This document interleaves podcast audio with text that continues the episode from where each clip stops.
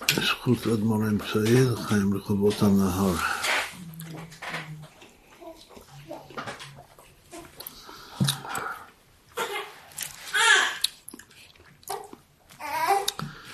נלמד היום דין שהרם כותב לגבי המציאות של שלג. מה זה שלג? זה הנושא. מה זה? שלג זה הנושא. שלג, שלג. עמוד של"ג.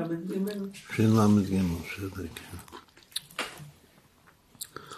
אז ה- נתחיל מהעיון כאן בדבר מלכוס לשבת הבאה, שזה י"ט כסלו. אז רציתי דווקא מה שקשור לי"ט כסלו. והשאלה כאן, אני קורא כאן את כל מה שכתוב פה, האם מותר לטבול בשלג?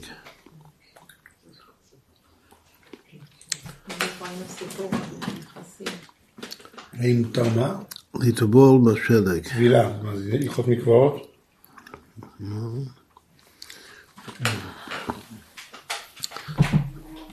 אז כתוב כאן ברמב"ם, בהלכות טומאת אוכלין, פרק א', הלכה כ"ב, אז הוא כותב על המהות של השלג, שהשלג נטמע מקצתו, לא נטמע כולו. אם יש גוש גדול של שלג, ושרץ או משהו נוגע בחלק של, ה... אז, אותו מקום שהטומאה נגעה, אז הוא טמא, אבל זה לא מטמא את כל הגוש. כאילו ש, שמכאן אה, משמע ששלג זה, זה חלקים אה, נפרדים.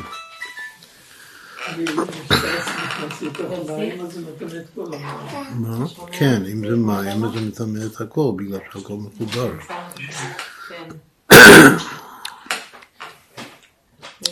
אז הוא כותב ככה, שעל פי ההלכה זו יש להכריע בדיון הפוסקים אודות השלג לגבי מקווה. האם מותר לט- לט- לטבול בשלג? יש בזה מחלוקת על הפוסקים. שהמרדכי, מחשבי הראשונים, הביא את דעת רבנו שמחה מבעלי התוספות שלא לטבול בשלג שלא הופשר. זאת המרדכי כותב בשם רבנו שמחה שלא הכוונה שאסור לטבול בטבע בשלג שלא הופשר. אם הוא הופשר אז הוא מים, אז הוא בסדר. אבל אם כל זמן שזה לא הופשר, אז לא, אסור לטבול בתוך השלג עצמו. שתי סיבות הוא כותב.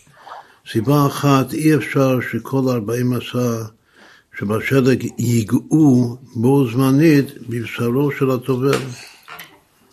כל השלג הוא לא נוגע. אם זה מים, אז אומרים שכל המים נוגעים. כל הארבע, צריך, מקווה צריך ארבעים סע. אז אם זה המים, אז זה בסדר, בגלל שכאילו טבל בתוך כל הארבעים סע. אבל אם זה ארבעים סע שזה עדיין גוש של אה, שלג, אז הוא לא טבל בתוך כל השלג, רק בתוך אה, חלק ממנו. אז זו- הסיבה הראשונה שאומר מרדכי שלא, שזה אסור לטבול בשלג. ודבר שני, יש דין לגבי המקווה שאין מטבילין בכיפין. שאסור להטביל משהו, או כלי, או בן אדם, בתוך כ- כף.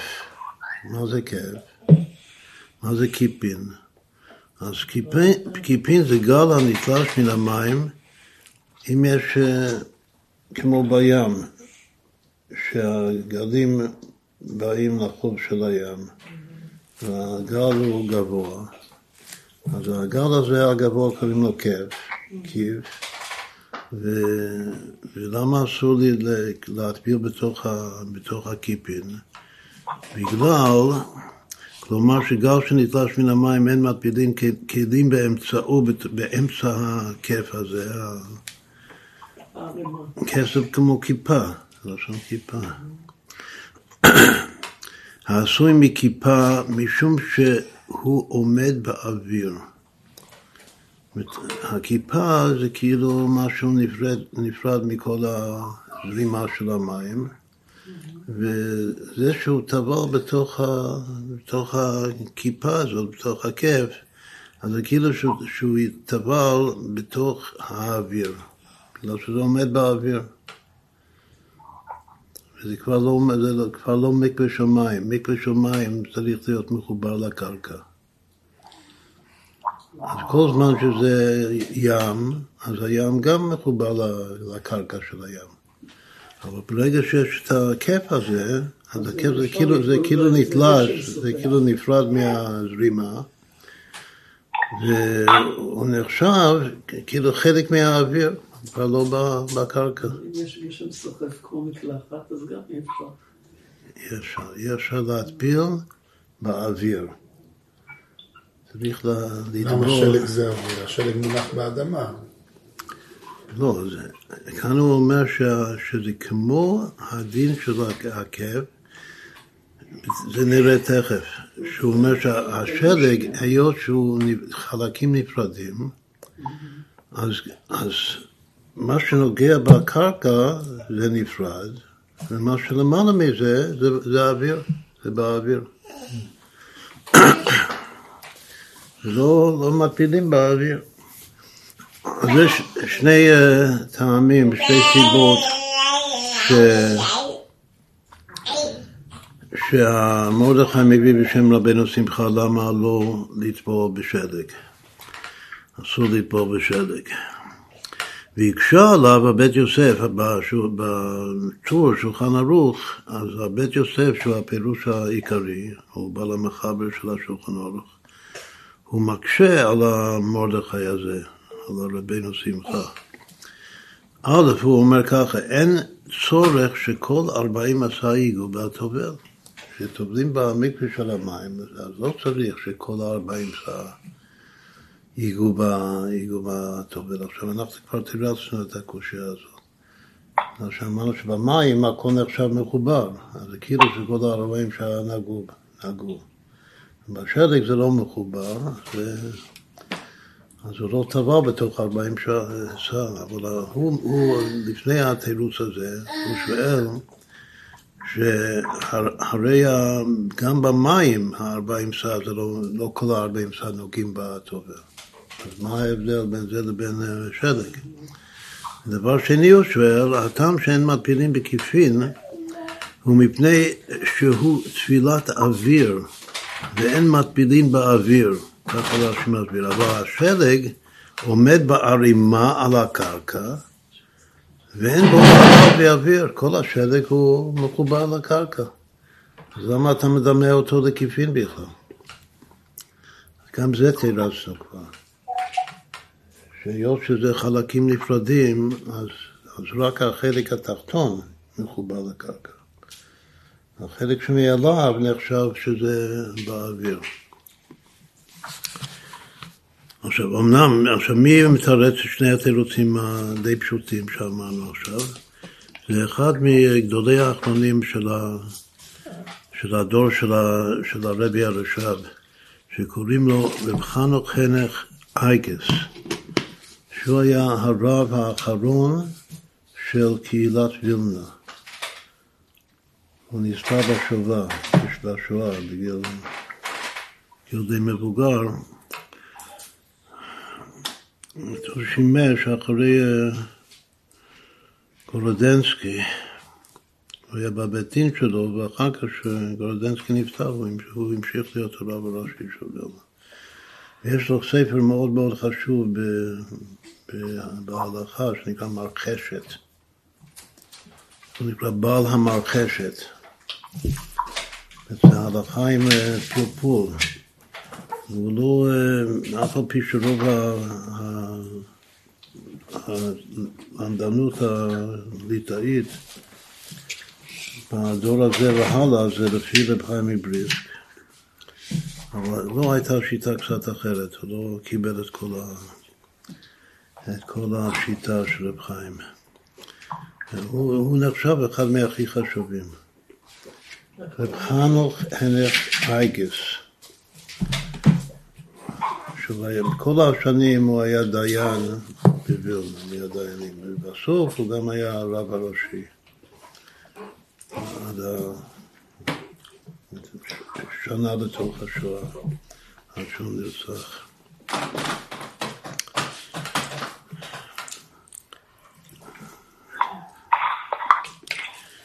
הוא, הוא בעצם מתרץ את שני הדברים שאמרנו הרגע. הוא גם כן היה בהתחלה, הוא היה מהרבנים המייסדים של תנועת המזרחי. רק שאחרי שזה התפתח קצת והיו מחלוקות בין רוסיה, בין וילנה לבין פולין, אז הוא פרש מזה. מהמזרחי, אבל כאילו זה לא היה מספיק אפרום. בכל אופן הוא מאוד מאוד היה בעד עלייה לארץ. זאת מהרבנים הכי חשובים שדחפו לארץ ישראל. אז הוא כותב ככה, מבואר ברש"י, עכשיו הוא כותב בשביל ליישב את הקושיות של הבית יוסף. שמבואר ברש"י כי הטעם לכך שהשלג שנטמע מקצתו לא נטמע כולו, הוא מפני שהשלג אינו עשוי גוש אחד, אלא כל כורת בפני עצמו חשוב. בשלג יש חשיבות, מה בעצם פועלת הפעילות? הפעילות זה, זה שהחלק ממנו הוא חשוב בפני עצמו. והחלק מהשלג זה קוראים לו קורת. קורט. וכל קורט וקורט הוא מציאות חשובה, ולכן יש לו דין של אה, פילוד, לא של חיבור. בשפה שלנו אומרים פתיתי שלג, לא? מה? אצלנו אומרים פתיתי שלג, ככה אומרים, לא קורט, אומרים פתיתי. יש פתיתי, כן. השאלה אם זה בדיוק עוד... פתית זה ממש אה, קטן. השאלה אם קורט זה גם כן אותו... אה. כל קורת בפני עצמו חשוב, אינו נטמע, אלא מקום מגע הטומאה. אם טומאה נוגעת בגוש של שלג, הוא רק מטמא את הקורט שהוא נגע בו. מכאן שהקורטים התחתונים מהווים הפסק בין הקרקע לעליונים, היות שכל קורט הוא מציאות בפני עצמה, אז כל מה שהשכבה התחתונה הוא בעצם נפרד מהשכבה שמעליה. זה, זה מהווה הפסק לעליונים, ונמצא שעומדים באוויר. סימן שהעליונים זה כאילו עומדים באוויר. ברגע שזה עומד באוויר יש סודים של, של כיפין, של כיפין. ואי אפשר, להסביר בתוך ה... זה. מה? השכבה התחתונה היא ממוצע מחבר. אז הוא אומר שזה, אם היה מחובר, זה תלוי, האם המציאות כאן של הגוש זה מציאות מקובלת או לא, זה לא מחובר. אז אומר זה, זה כאילו שהשלג עומד באוויר, ואין מטבילין באוויר, הכלל אומר ואין מטבילין באוויר. זה, זה מתרץ את הקושה השנייה של הבית יוסף על מרדכי. ולגבי הקושה הראשונה, ש... ש... מה הקושה הראשונה? ש... שאי אפשר שכל ארבעים עשר שבשלג ייגעו בו זמנית בבשרו של הטובל.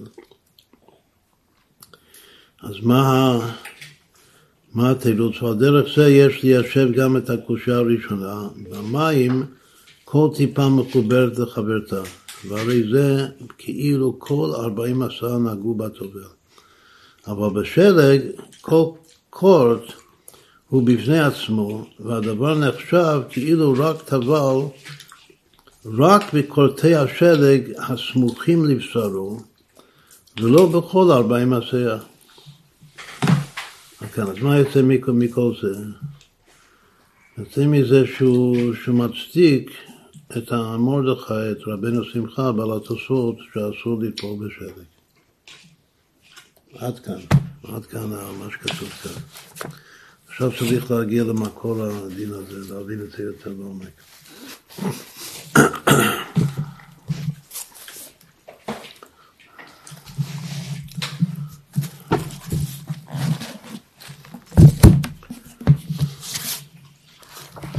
אז קודם נפתח את הרמב"ם בעצמו, ללכות תומות אוכלין. בפרק א', הלכה כ"ב. אז מה כתוב כאן? הוא הביא בהתחלה רק חלק מההלכה הזאת, אבל אם כבר רוצים ללמוד הלכה, הלכה שלמה ברמב"ם, אז נראה את כל ההלכה. כמו שכל ההלכה זה מדבר בשלג. כתוב שהשלג אינו אוכל ולא משקה. הטומאה של אוכלין אין לו אותו דין של טומאה של משכין. משכין מטעמים שהכל חוזר להיות ראשון לטומאה. זאת הוא ממשיך לטמא. באוכלין זה לא ככה, כמו שיש דין של טומאת אוכלין, יש דין אחר של טומאת משכין. אז צריך לדעת כל דבר האם זה נחשב אוכל או שזה נחשב משקה. והרמב"ם כאן פוסק שהשלג זה לא אוכל ולא משקה. את איתנו? שלג זה לא אוכל ולא משקה, כלומר שבפני עצמו החפצה של השלג הוא לא אוכל ולא משקה, זה ודאי לא מקבל טומאה. שטומאה זה או אוכל מקבל טומאה, או משקה מקבל טומאה. אבל אם הוא לא אוכל ולא משקה, אז הוא לא מקבל טומאה, בכלל. אז לא זה ולא זה. אבל, עכשיו כאן יש כלל גדול בהלכות טומאה, שהרבה מההלכות זה תלוי במחשבה של האדם. כלומר שבהלכות טומאה וטהרה רואים בפירוש איך שהגברא משפיע על החפצה. לפי מה שאני חושב, אני קובע, המציאות של הדבר משתנה. עכשיו הוא אומר? שאם אני חושב על השלג הזה, החתיכת שלג,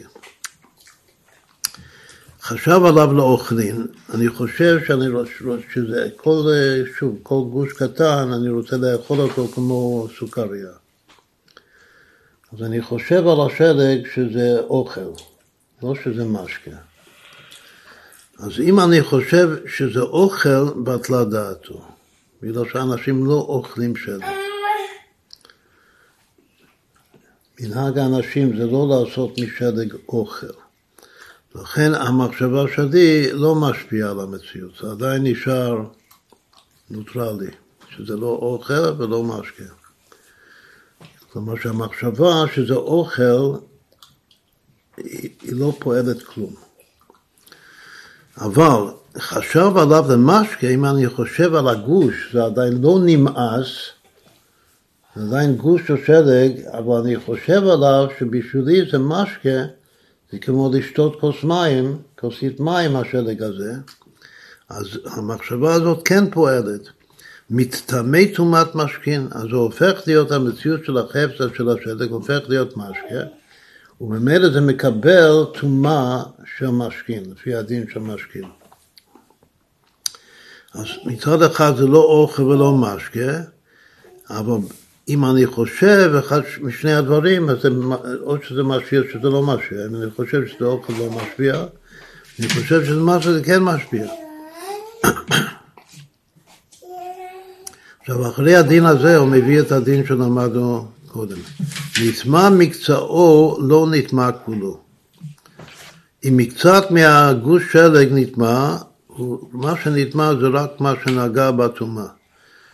וחוץ מזה, שאר השלג לא נטמע, לא נטמע כולו. עכשיו, דין האחרון שהוא כותב בהלכה הזאת, העבירו על גבי כלי חרס הטמא נטמע כולו. כאן זה, זה קשה, המפרשים מהכסף משנה והלאה מקשים על זה, שאם אני מעביר שלג על גבי כלי חרס, שיש שם על החלל של הכלי חרס, הכלי חרס הטמא, אם אני מעביר משהו מלמעלה זה לא מטמא אותו. מתי זה כן מטמא אותו? רק אם אני מכניס את הדבר בתוך האוויר שלו. הכלי חרס הוא טמא, והדין הוא שכלי חרס שהוא טמא, הוא מטמא באוויר שלו, אבל צריך להיות בתוך הכלי חרס. לא צריך לנגוע בצדדים שלו. אז ככה מפרש הכסף משנה, כאילו בלית ברירה, זה אומר שזה צריך עיון שהרמב"ם לא, לא הסביר את עצמו יותר טוב, אבל אי אפשר לומר שהכוונה שהוא העביר את השלג על גבי הכלי חרס הטמא. צריך לומר שהשלג נכנס לתוך האוויר הפנימי של הכלי חרס, ואז לפי הדין של כלי חרס טמא זה טימא את כל, כל השלג. זה עדיין קשה. פשט של הרמב"ם. עכשיו, המפרשים אומרים שצריך להסתכל, להשוות את הדין הזה לדין בפרק הבא, בפרק ב' של הלכות טומאת אורחים. מהלכה כ"ג, שגם מדבר על שלג. הוא אומר ככה, שלג שנטמע והשיק מקצתו למי מקווה, הואיל וטהר מקצתו, טהר כולו. לכאורה בדיוק ההפך ממה שכתב קודם. מקשיבים, מקשיבות. אם יש שלג שהוא טמא, שכל השלג נטמע, והוא השיק שהוא זה, עשה שהשלג הזה ייגע אפילו חלק ממנו, מקצתו, בתוך מי מקווה, אז הואיל שהחלק שנגע במי מקווה הוא טהור, בהשקה, אז כל השלג טהור. עכשיו זה פלא, לכאורה זה סותר מה שהוא אמר קודם. קודם הוא אמר שנטמע מקצתו לא נטמע כולו. אה, אוקיי. וכאן הוא אומר שזה, שאם חלק מתטהר מהמקווה, אז הכל, הכל טהור. אז איך אפשר לצאת מהפונטר הזה? לא מפרשים לא בדיוק מסבירים את זה. עכשיו יש עוד הלכה שחשובה לענייננו.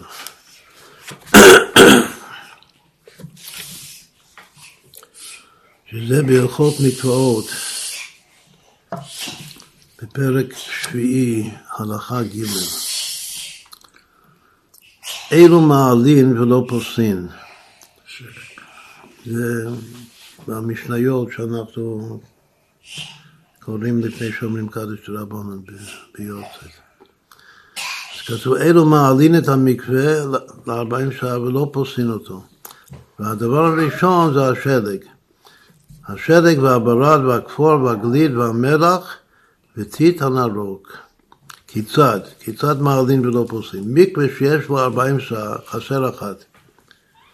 אם המקווה יש לו כמעט 40 שעה, מה שצריך בשביל מקווה, אבל חסר לו שעה אחת. מקווה שיש בו 40 שעה חסר אחת, ונפל לתוכו שעה מאחד מאלה, יש פה שישה דברים שהוא מונה. כן, שלג, ברד, כפור, גליד, מלח, טיטן ארוך. אז אם המקווה הוא חסר שעה אחת, ואחד מהדברים האלה נפל לתוך המקווה, הרי זה עולה למידתו, הם מעלים את המקווה. שהם נחשבים חלק מ-40 שעה. אז הם מעלים את המקווה שהוא כשר. הרי המקווה כשר ושלם. אפילו מוסיף עוד מילה, לא רק שזה כשר, לא לחשוב שיש איזה פגם במקווה הזה, הוא שלם. את הדברים האלה משלימים את, ה, את המקווה לארבעים שעה. נמצאו, אז מה אני רואה מכאן? נמצאו שמעלין ולא פוסין. שהם רק מעלין את המקווה ולא פוסין את המקווה.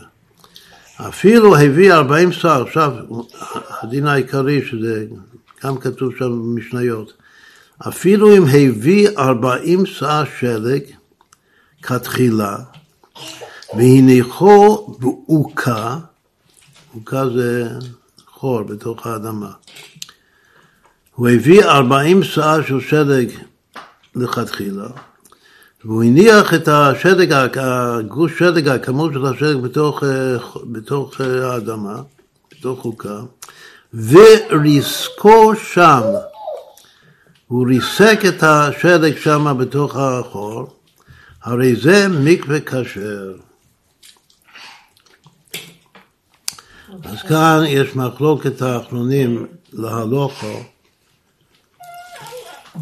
מה הכוונה בריסקו?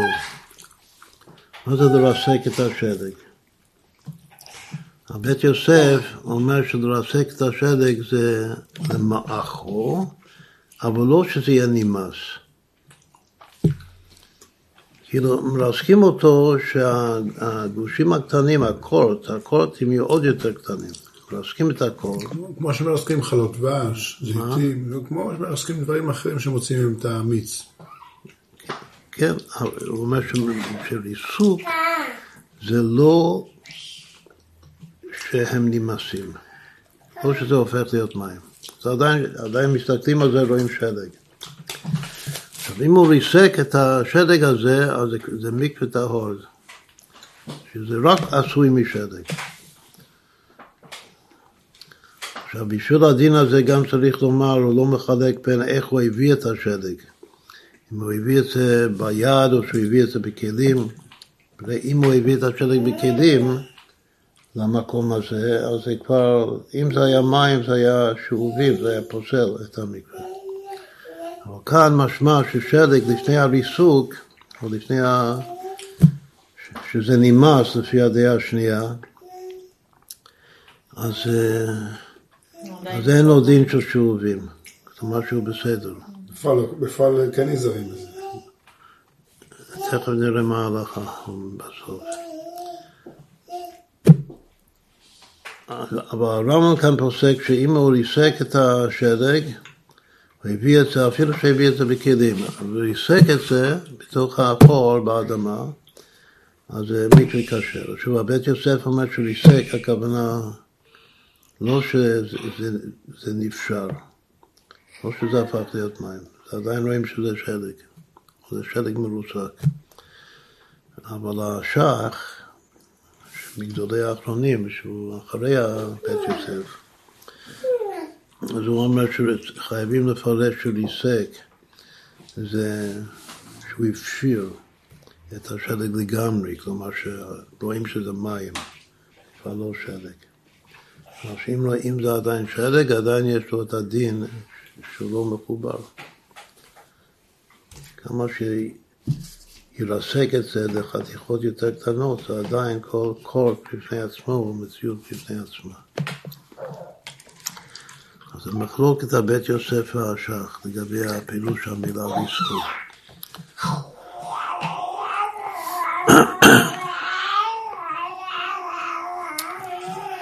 מה רואים מכל הדברים האלה, מכל ההלכות? רואים ששלג, ההגדרה של שלג זה הגדרה לא ברורה, מה זה שלג? לא אוכל ולא משקה. מחשבה רק יכול להשפיע, להפוך אותו למשקה, אם הוא חושב עליו למשקה. ושוב, בהלכה הראשונה, שזו ההלכה של י"ט כסף כאן, אז, אז אם נטמע מקצתו, לא נטמע כולו, של חלקים נפרדים. אבל בהלכה השנייה, לגבי טהרה, אם נטהר מקצתו על ידי השקה, אז, אז טהר כולו. וכאן בהלכה האחרונה אנחנו רואים שיש מחלוקת לגבי שלג לגבי מקרה. כמה צריך לרסק, להפוך את השלג למים. האם צריך להפוך אותו למים לגמרי ואז זה יתקשר, או שלא צריך לגמרי להפוך אותו, רק לרסק אותו.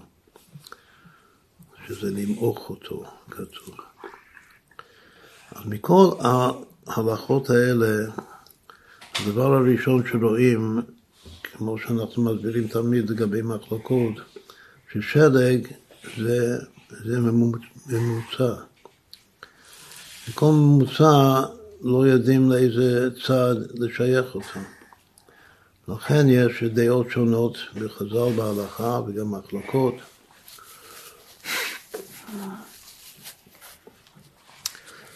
בהלכה הראשונה זה ממוצע בין אוכל לבין משקה. עכשיו, לפעמים דבר שממוצע, חייבים לשייך אותו לאחד משני הצדדים. אז יכול להיות בזה מחלוקת. אבל כאן רואים שדבר שממוצע גם יכול להיות מציאות בפני עצמה. כלומר שהוא לא מקבל טומאה, לא לא טומאת אוכלים ולא טומאת משקים, כל, עוד שהוא שלא חשב עליו. אז זה ממוצע, אבל ברגע שהוא חשב עליו, ל, ל, שחשב עליו לאוכלין, זה לא השפיע כלום, בגלל שאין דרך בני אדם לאכול שלג. ו... אבל אם הוא חשב למשקיע זה כן משפיע, זה הופך אותו למשקיע, לעניין קבלת טומאה. אז מה רואים מכאן? שמצד אחד זה ממוצע בין אוכל לבין משקיע, מצד שני יש בזה ודאי יותר נטייה למשקיע. השלג הוא יותר קרוב למשקיע מאשר לאוכל, זה מוכח מהדין של המחשבה. עכשיו, זה שהוא לא שהוא לא נטמע בפני עצמו בגלל שהוא חלקים אה, נפרדים, הוא לא מחובר, זה גם כן עושה אותו ממוצע משני דברים אחרים, אבל זה משמע מכאן בפשטות. זה עושה אותו ממוצע בין יסוד האפר, שזה יסוד הארץ, לבין יסוד המים. מה שלא יודעים שלג זה מים, או שזה כמו אדמה, שזה מונח לאדמה. ואומרים שזה לא זה ולא זה, אבל זה יותר קרוב כאן לארץ, היות שהוא חלקים חלקים. במים הכל מחובר, הכל נחשב דבר אחד.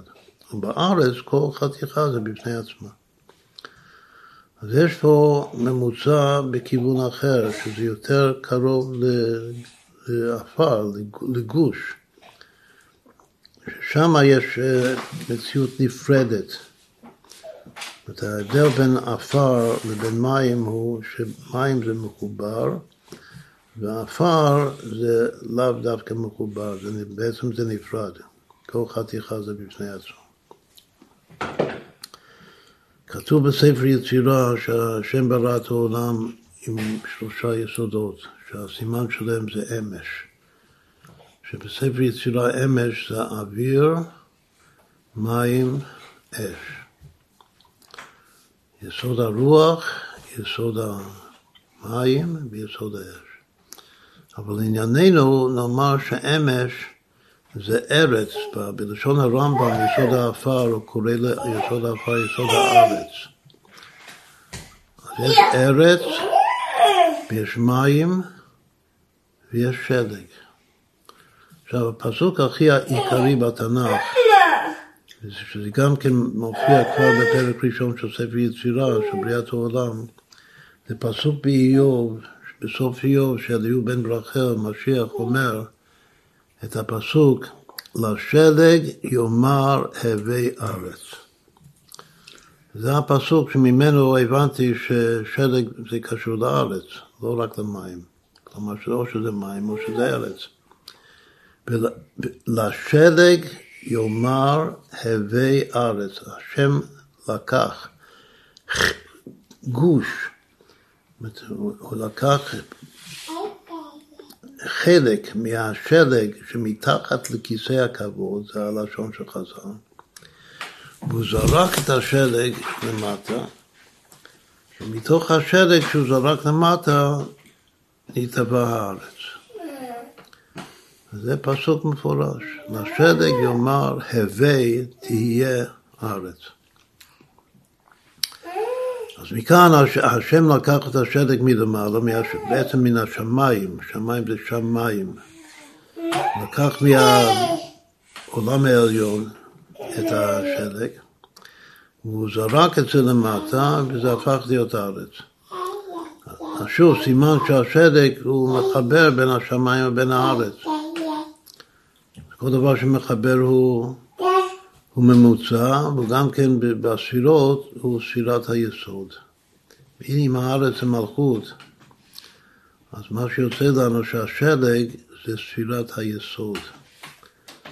שמחבר בין השמיים, שזה התפארת, לבין הארץ, שזה המלכות. יש אה, ספר אחד של קבלה שמביא עוד מאמר חז"ל, שהאור לבושו של אותה אור קסמה כתוב. אור לבושו של הקודש ברוך הוא מהיכן נברא, אז כתוב שנברא מבית המקדש. אז הוא שואל שאלה פשוטה, בית המקדש שבארץ זה, זה משהו גשמי. איך אפשר לומר שהאור האור של השם זה נברא מבית המקדש? אז הוא אומר שלא, שהפירוש הוא שבית המקדש בית המקדש של המעלה. יש בית מקדש למעלה, והוא בחינת הוד והדר. שההוד וההדר של השם זה המקור של האור של השקיר, יש משהו לפני האור של השם.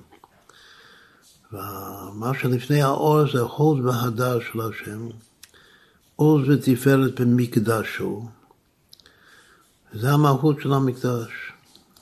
ההוד זה בית המקדש. מתוך ההוד שלמעלה נברא האור. אחר כך הוא כותב שהאור נברא, מהאור השם הגשים את האור, ומזה שהוא הגשים את האור נבראו המלאכים. אחר כך השם המשיך להגשים את המלאכים, ומהמלאכים נעשו הגלגלים. ואז הוא המשיך להגשים את הגלגלים, ומהגלגלים נעשה השלג. ואז הוא המשיך להגשים את השלג, ומזה נעשה הארץ. אז אם כן הוא מרחיב את הפרצוף, מאוד יפה. את האור זה אור החסד. יש משהו עוד לפני זה, הוד והדר, שזה בית המקדש שלמעלה, שזה אימא. והאור זה חסד, אחר כך המלאכים, זה עולם היצירה זה תפארת. גם מלאכים שהם בחינת גבולה. והגלגלים זה נצח ועוד, זה כמו הרגליים. מה, מה המילה? יש שתי מילים שזה מאוד קרוב לשלג, שזה רגל וגשם. זה ששלג קשור לגשם, זה פסוק, גם כן, זה אותו פסוק שאמרנו קודם, השלג יאמר, הווי ארץ, וגשם מטר וגשם מתרות עוזו. זה ההמשך של הפסוק. ולכן כתוב בחז"ל שמהפסוק הזה לומדים שהפעולה של השלג זה כמו חמש פעולות של מטר, של גשם. שלג אחד שווה חמש גשם, איך לומדים את זה? מה שכתוב שלשלג יאמר הווי ארץ, שלג אחד. וגשם מטר וגשם מתרות עוזו. אז גשם מטר זה שניים, זה שני גשם, וגשם מתרות זה עוד שלוש גשם, בגלל שגשם זה אחד ומתרות זה לשון רבים זה שתיים. אז, אז הפסוק הזה אומר שיש חמש גשם, חמש מטר, גשם מטר, גשם מתרות. ושלג אחד הוא שווה את כל החמש גשם האלה. עכשיו, מה זה שלג? שלג זה מילה מאוד אה, מיוחדת, זה 333. זה שלוש הדרגות של המספר שלוש. ושלג זה 333, עושים אותו בספרות. מה זה 333? מה, מה הממוצע של שלוש אותיות שלג? 111. 111. מ-11 זה א' פלא, שזה שלוש פעמים יחידה, שלוש פעמים 37. אז מה כתוב בקבלה? זה הרמז, ומשה זכות מעריך בזה, בסוף של השלג, שהשלג זה שלוש אלפין של שם מה החדש, עולם התיקון. השם את עולם התיקון עם, עם שם מה, ששם מה זה אורך אצילות כתוב בתחתונה.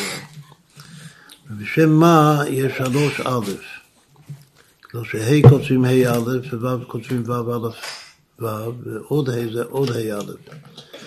זה נקרא השם של אלפין, וכמה אלפין יש שם? שלוש אלפין. מכל אלף זה מאה ואחת עשרה, ושלוש אלפין זה שלג.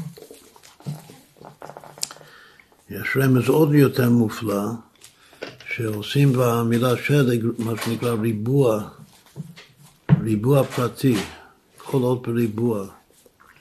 300 בריבוע זה 90 אלף. 30 בריבוע זה 900. ג' בריבוע זה 9. אז מה זה שלג בריבוע פרטי? זה 909909.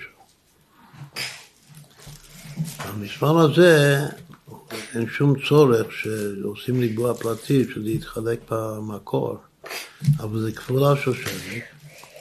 זה יוצא 273 פעמים שלג. זה 273, 3 פעמים 7, פעמים 13, פעמים שלג, ששלג זה 9 פעמים 37. אז זה מספר מאוד מאוד אה, מושלם המספר הזה. וגם כשעושים את השלג כל עוד במשולש פרטי, אז גם יוצא כפולה של שלג, זה יוצא 137, שזה המספר העיקרי של מעשי בראשית בקבלה. 137 פעמים שלג. וכל עוד של שלג במספר משולש. בכל אופן שלג, רואים מכל הדברים האלה ששלג זה קשור למעשה בראשית. זה יותר מהפעולה של השלג בהתהוות הארץ, זה יותר מה... חמש פעמים יותר מה, מהגשם, מהמים. בכל אופן הוא מצטרף למים. אבל מצד שני, מה זה היה? שכאן בקבלה כתוב שהשלג הוא התגשמות של הגלגלים. באמת במילה גלגל, אז יש שם את הל"ג של השלג. לכן אמרנו שזה קשור לרגל, שהגלגלים זה נצח ועוד. המלאכים זה תפארת, גבולה ותפארת, האור זה חסד. והוד והדר של השם של בית המקדש של המעלה זה אימא. לפי זה יוצא די מפורש על פי סוד שהשלג בעצמו זה היסוד. בשביל לעשות תיקון היסוד היו מתגלגלים בשלג, זה אחד מהסיגופים הידועים. אז באמת כאן בין ההלכה, ההלכה הזאת אומרת האם הוא התפשט ומתגלגל, מתגלגל זה לשון גלגל, בתוך השלג. ומה זה עושה? זה עושה תיקון הברית, תיקון היסוד, הסימן של שלג זה קשור ליסוד. והארץ זה המלכות. אז יש כאן פרצוף שלם של התהוות העולם. עכשיו הרמב"ם במורה נבוכים הוא מקשה על, החזל, על הפסוק הזה והחז"ל הזה.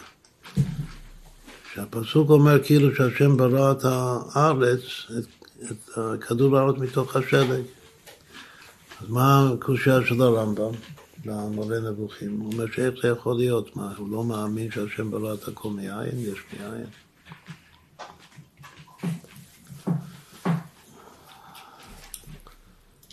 עכשיו, על זה יש הרבה, אה, ספר העקידה ואחר כך השלה הקדוש, מנסים לתרץ את הרמב"ם באריכות. כאילו שאין כאן שום סטיל, לא ש, שחז"ל לא האמינו בהתהוות העולמות יש מאין, מתוך, ה, מתוך השלג. כאילו שיש משהו בשלג שזה מהווה קושייה על התהוות המציאות יש מאין. צריך ליישב את הקושייה הזאת, קושייה של המורה של הרמב"ם.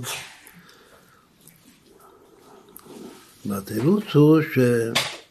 שהשלג הוא גם כן סוד ההיולי. החומר, יש מקום שכתוב שהשלג זה חומר היולי. שחומר היולי זה המעבר בין העין האמיתי לבין היש הנברא. כלומר שאנחנו ודאי מאמינים שהשם ברא את העולם יש מאין, אבל היות שיש מאין זה שני הפכים. אז גם כאן צריך להיות ממוצע ביניהם. ולפי ספרי המונחים של החקירה, הממוצע ביניהם זה ההיולי. המילה היולי זה מילה ביוונית, אבל זה שווה עין.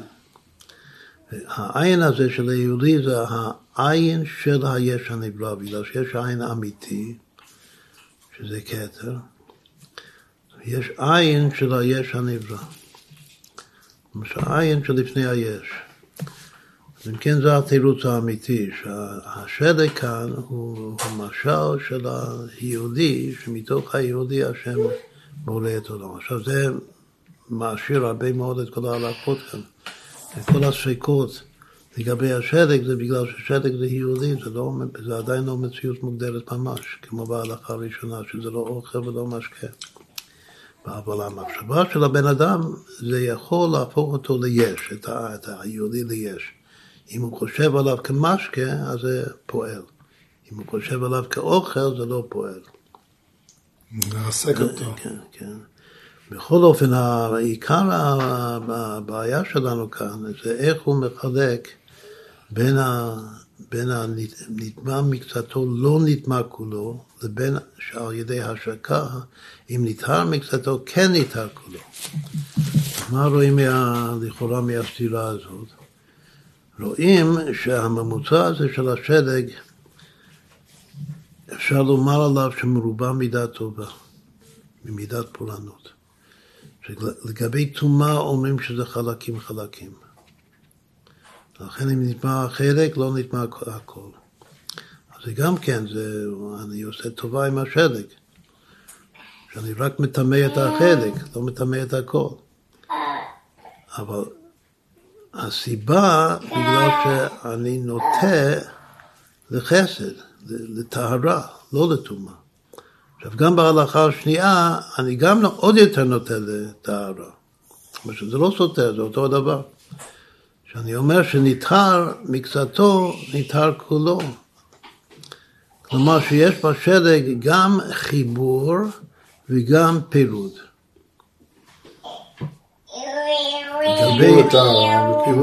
כן, חיבור עכשיו. היות שיש בזה גם חיבור וגם טהרה, עכשיו אני חוזר לשאלה של המקווה. המקווה זה בשביל להיטהר. אז, אה, אז לכאורה הייתי אומר לפי זה שכן מותר לטבול בשלג. בגלל שלגבי טהרה אני מחשיב את השלג כמחובר. אז הוא טבל בארבעים שעה. בעודו שלג. עכשיו זה יכול להסביר את הדעה של הבית יוסף, שהריסוק זה לא משנה, את ה... הוא עדיין נשאר שלג. אבל לגבי השח, אז אה, הוא אומר שזה חייב להפוך להיות מים בשביל לתאר. אבל מה ההלכה בסוף? לפי מה שכתוב כאן בדבר מלכוס, אז, אז הוא רוצה להצדיק את, את המרדכי שאי אפשר, שאסור לטבול בשלג. אבל לפי מה שכתוב בהלכה בפרק הבא של הרמב"ם, אז משמע שכן מותר לטבול בשלג. השלג יותר, ויש חלקת יואב, והרבה אחרונים, אחרונים ממש, ככה פוסקים. שאפשר לטבול בזה. זה לא כמו מה שכתוב בדבר מלכוס כאן, הוא לא אומר את זה פשוט. בדבר מלכוס זה רק היה להסביר איך שרב חנוך חנך אייגס הסביר את ה... הצדיק את המרדכי נגד שתי הקושות של הבית יוסף. אבל תכלס הלכה למעשה, ההלכה הוא העיקר, אז אפשר לומר בהחלט שהשלג נוטה לחסד, לחיבור, לטהרה. הוא יותר טהור מאשר טמא.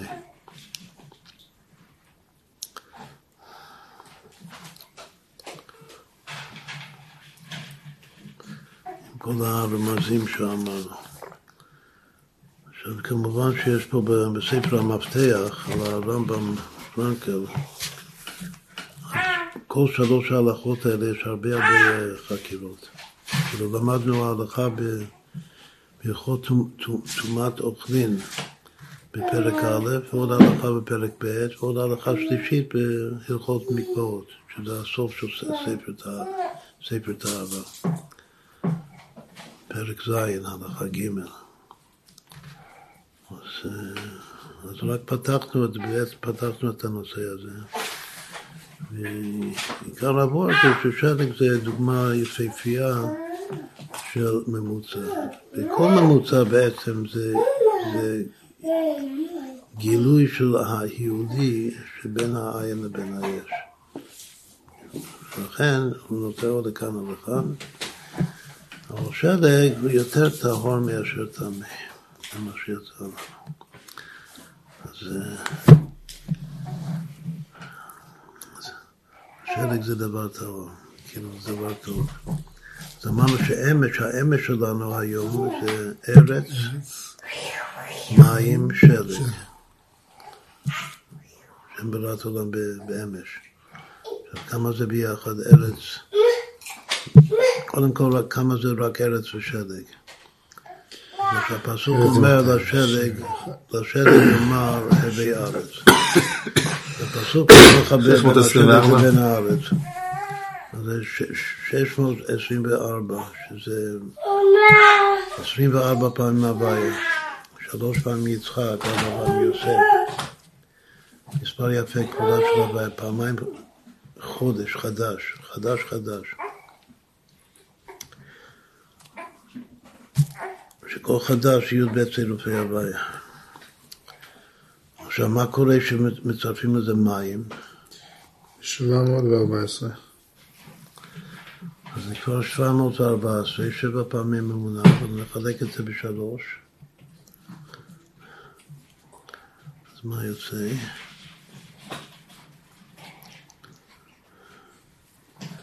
יוצא רחל. רחל, רחל, רחל. כתוב שזה ג' אימות. האם העיקרית זה העם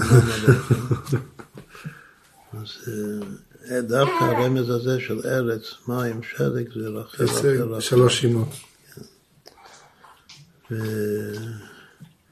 ואם נעשה במקום מים, אמרנו שיש מקום שמשמע שמה בפירוש שהמים זה בעצם השמיים. כלומר שהשלג זה ממוצע בין השמיים ובין הארץ, באמצע. אז אם נעשה שמיים זה להוסיף עוד שין, אז יש לנו גם כן רמז לאש. אני חושב שמים זה גם שם מים וגם סם מים וגם אש מים.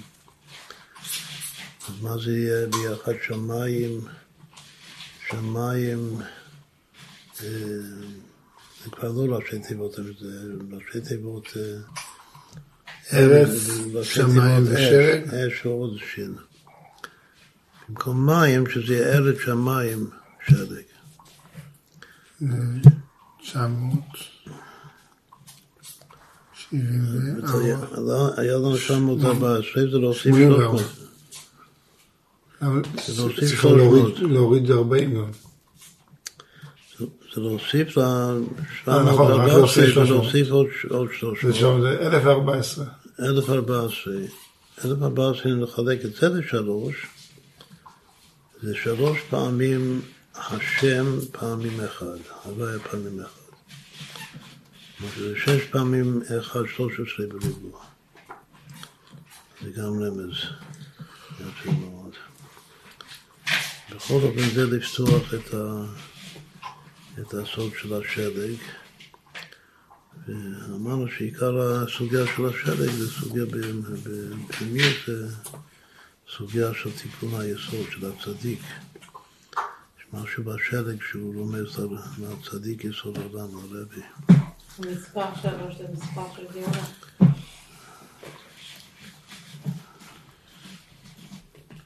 גאולה משולשת.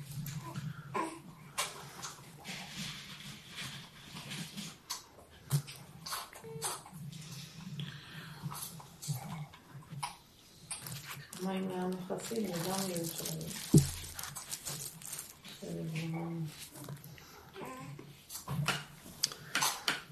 אז יש, בלעומת זה, יש שני גיהינום, יש גיהינום של אש וגיהינום של שלג.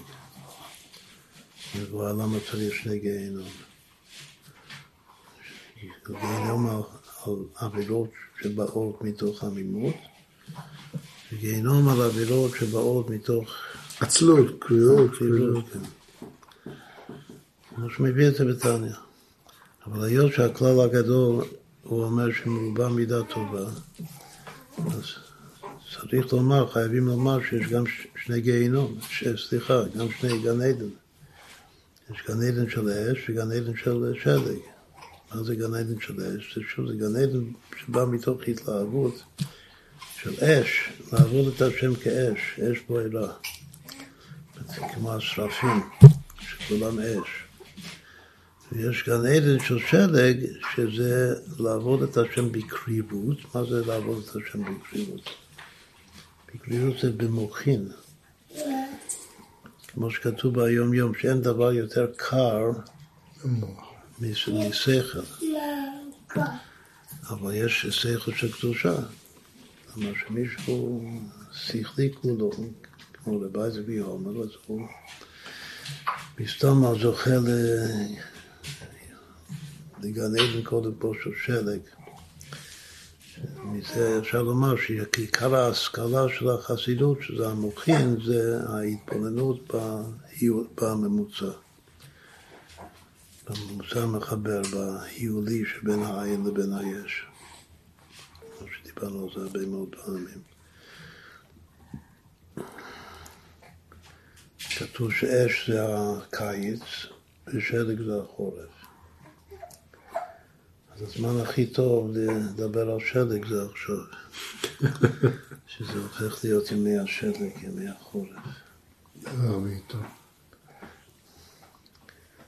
חורף זה רפח ניצוצין, חורף. קיץ זה קץ, קץ הגאולה. חורף זה עבודה מכוח עצמו, קיץ זה, זה עבודה מלמעלה. העבודה מכוח עצמו זה להעלות את הרפ"ח ניצוצין. זה על ידי הקריבות של הקדושה.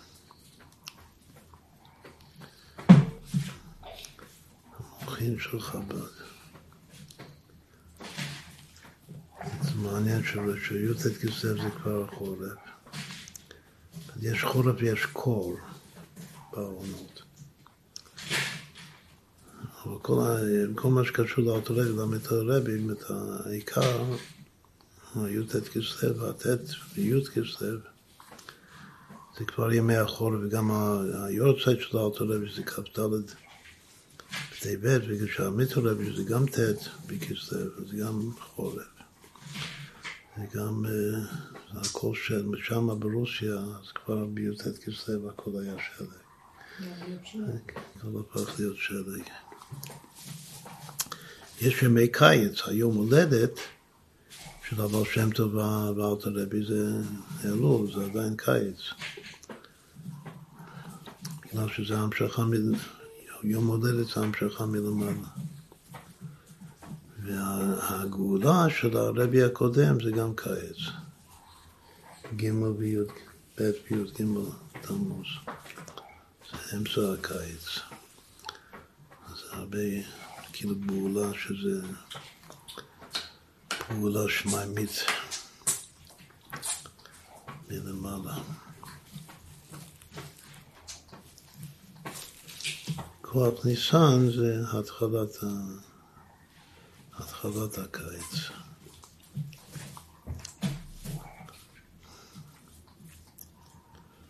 רבי יהושע אומר שבניסן עתידים להיגאל, שזה המשכה מלמעלה.